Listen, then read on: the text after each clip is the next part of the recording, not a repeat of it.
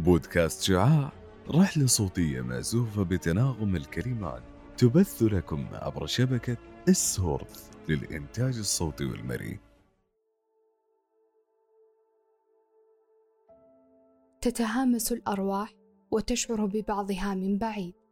مشاعرنا تظهر ما نخفي وكل يوم يولد شعور جديد.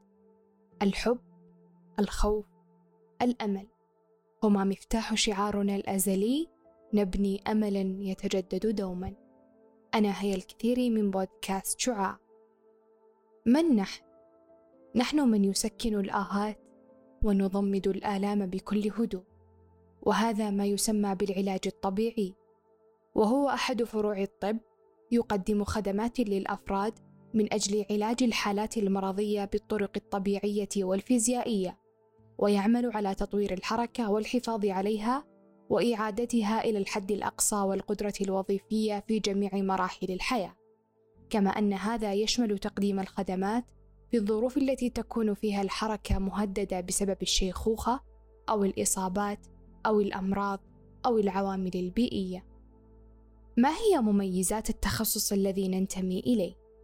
هو أحد أهم التخصصات في الجامعات العالمية كما أنه مطلوب في كل المستشفيات العامة والخاصة مما يتيح للخريجين فرصة عمل هائلة كما أنه يمتاز بإمكانية الممارسة العملية والاختلاط بالحياة العملية الحقيقية في أكثر من مجال مثل النوادي الرياضية وتدريب الألعاب الرياضية المختلفة والعيادات الخاصة للعلاج الطبيعي والتأهيل البدني والمدارس ورياض الأطفال ورعاية الطلاب البدنية وأيضا يخدم جميع الفئات العمرية من الأطفال حتى كبار السن.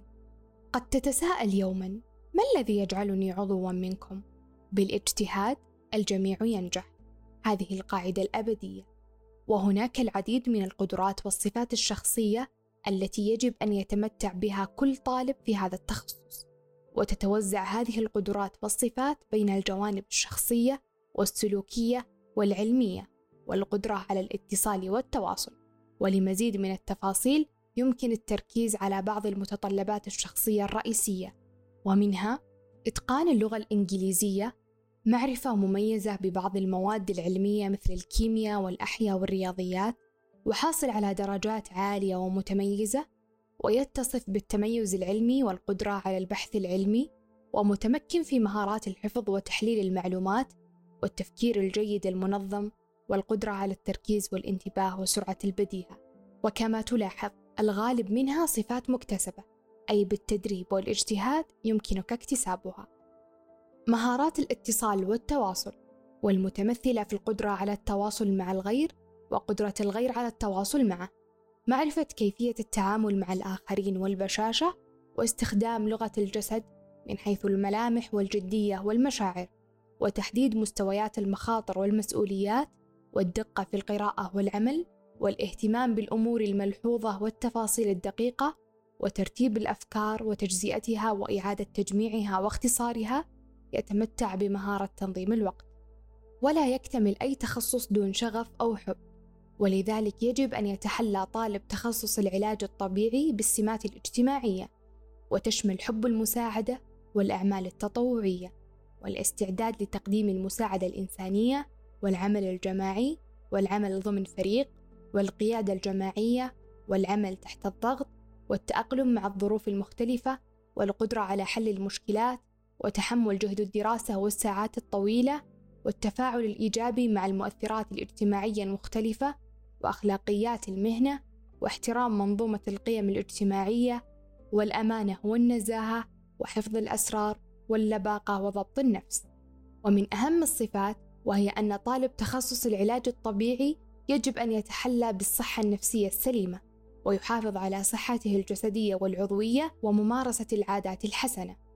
الجامعات والكليات التي يتوفر بها التخصص بالمملكة العربية السعودية: جامعة الملك سعود بالرياض، جامعة الأميرة نورة بنت عبد الرحمن بالرياض، جامعة الإمام عبد الرحمن بن فيصل، جامعة طيبة، جامعة أم القرى، جامعة الملك عبد العزيز، جامعة المجمعة، جامعة الطائف، جامعة الملك خالد، جامعة الأمير سلطان بن عبد العزيز جامعة جازان والكثير من الكليات الأهلية. نبذة عن الخطة الدراسية والمواد بشكل موجز.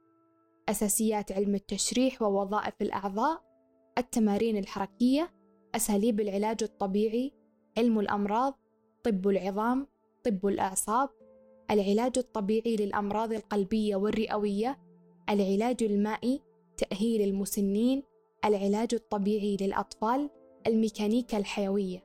تعتبر الدراسة بالقسم نظرية تطبيقية إكلينيكية. مدتها أربع سنوات دراسية تعقبها سنة امتياز تدريبية. يمنح الطالب بعدها درجة البكالوريوس في العلاج الطبيعي ليمارس المهنة بمسمى أخصائي علاج طبيعي.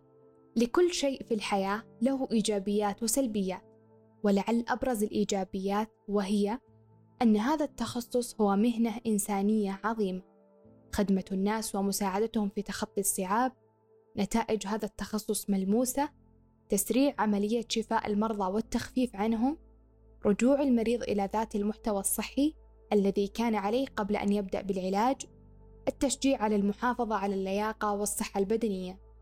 السلبيات تعامل المعالج الطبيعي مع شخصيات مختلفة تأثر المعالج الطبيعي نفسيا وجسديا إمكانية الذهاب إلى بيوت المرضى التعرض لضغوطات العمل العمل لساعات طويلة. مجالات وفرص العمل. يمكن لحاملي شهادة بكالوريوس العلاج الطبيعي العمل في مجالات عديدة ومنها مراكز إعادة التأهيل العيادات الخارجية أو المكاتب عيادات طب العظام التعليم في المدارس والجامعات مراكز الرعاية الصحية دور العجزة والمسنين المستشفيات خاص أو حكومي عيادات طب الأطفال مهام أخصائي العلاج الطبيعي. نحن هنا من أجلكم وتخفيف آلامكم فما أبأس من قلب مسلم من رؤية بعض أجزائه تتألم.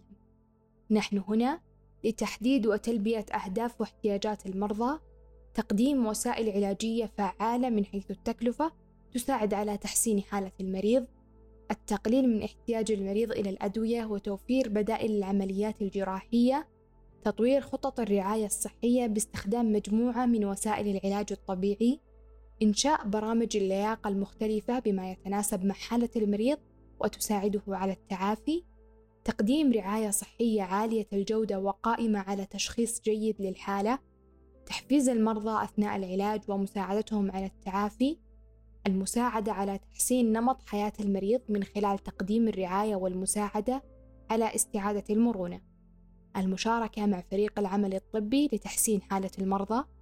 مراقبة تحسن الحالات وتقييم أداء الوسائل العلاجية المقدمة. توثيق حالة المرضى بشكل دوري وتوثيق خدمات الرعاية الصحية المقدمة. ختاما آلامنا أوجاعنا كل ما فينا ينطق حتى وإن لم نتكلم. نحن نعلم أن هناك بعض الأوجاع لا تحكى. مهنتنا تجسد كل معاني الإنسانية ولهذا نحن لها ومنها وننتمي إليها. شكرا لوقتك. أتمنى أن نكون زرعنا شيئا من الفائدة في عقلك صوتا جديدا في قلبك. لا تتردد أبدا. اختر دوما صواب عينك.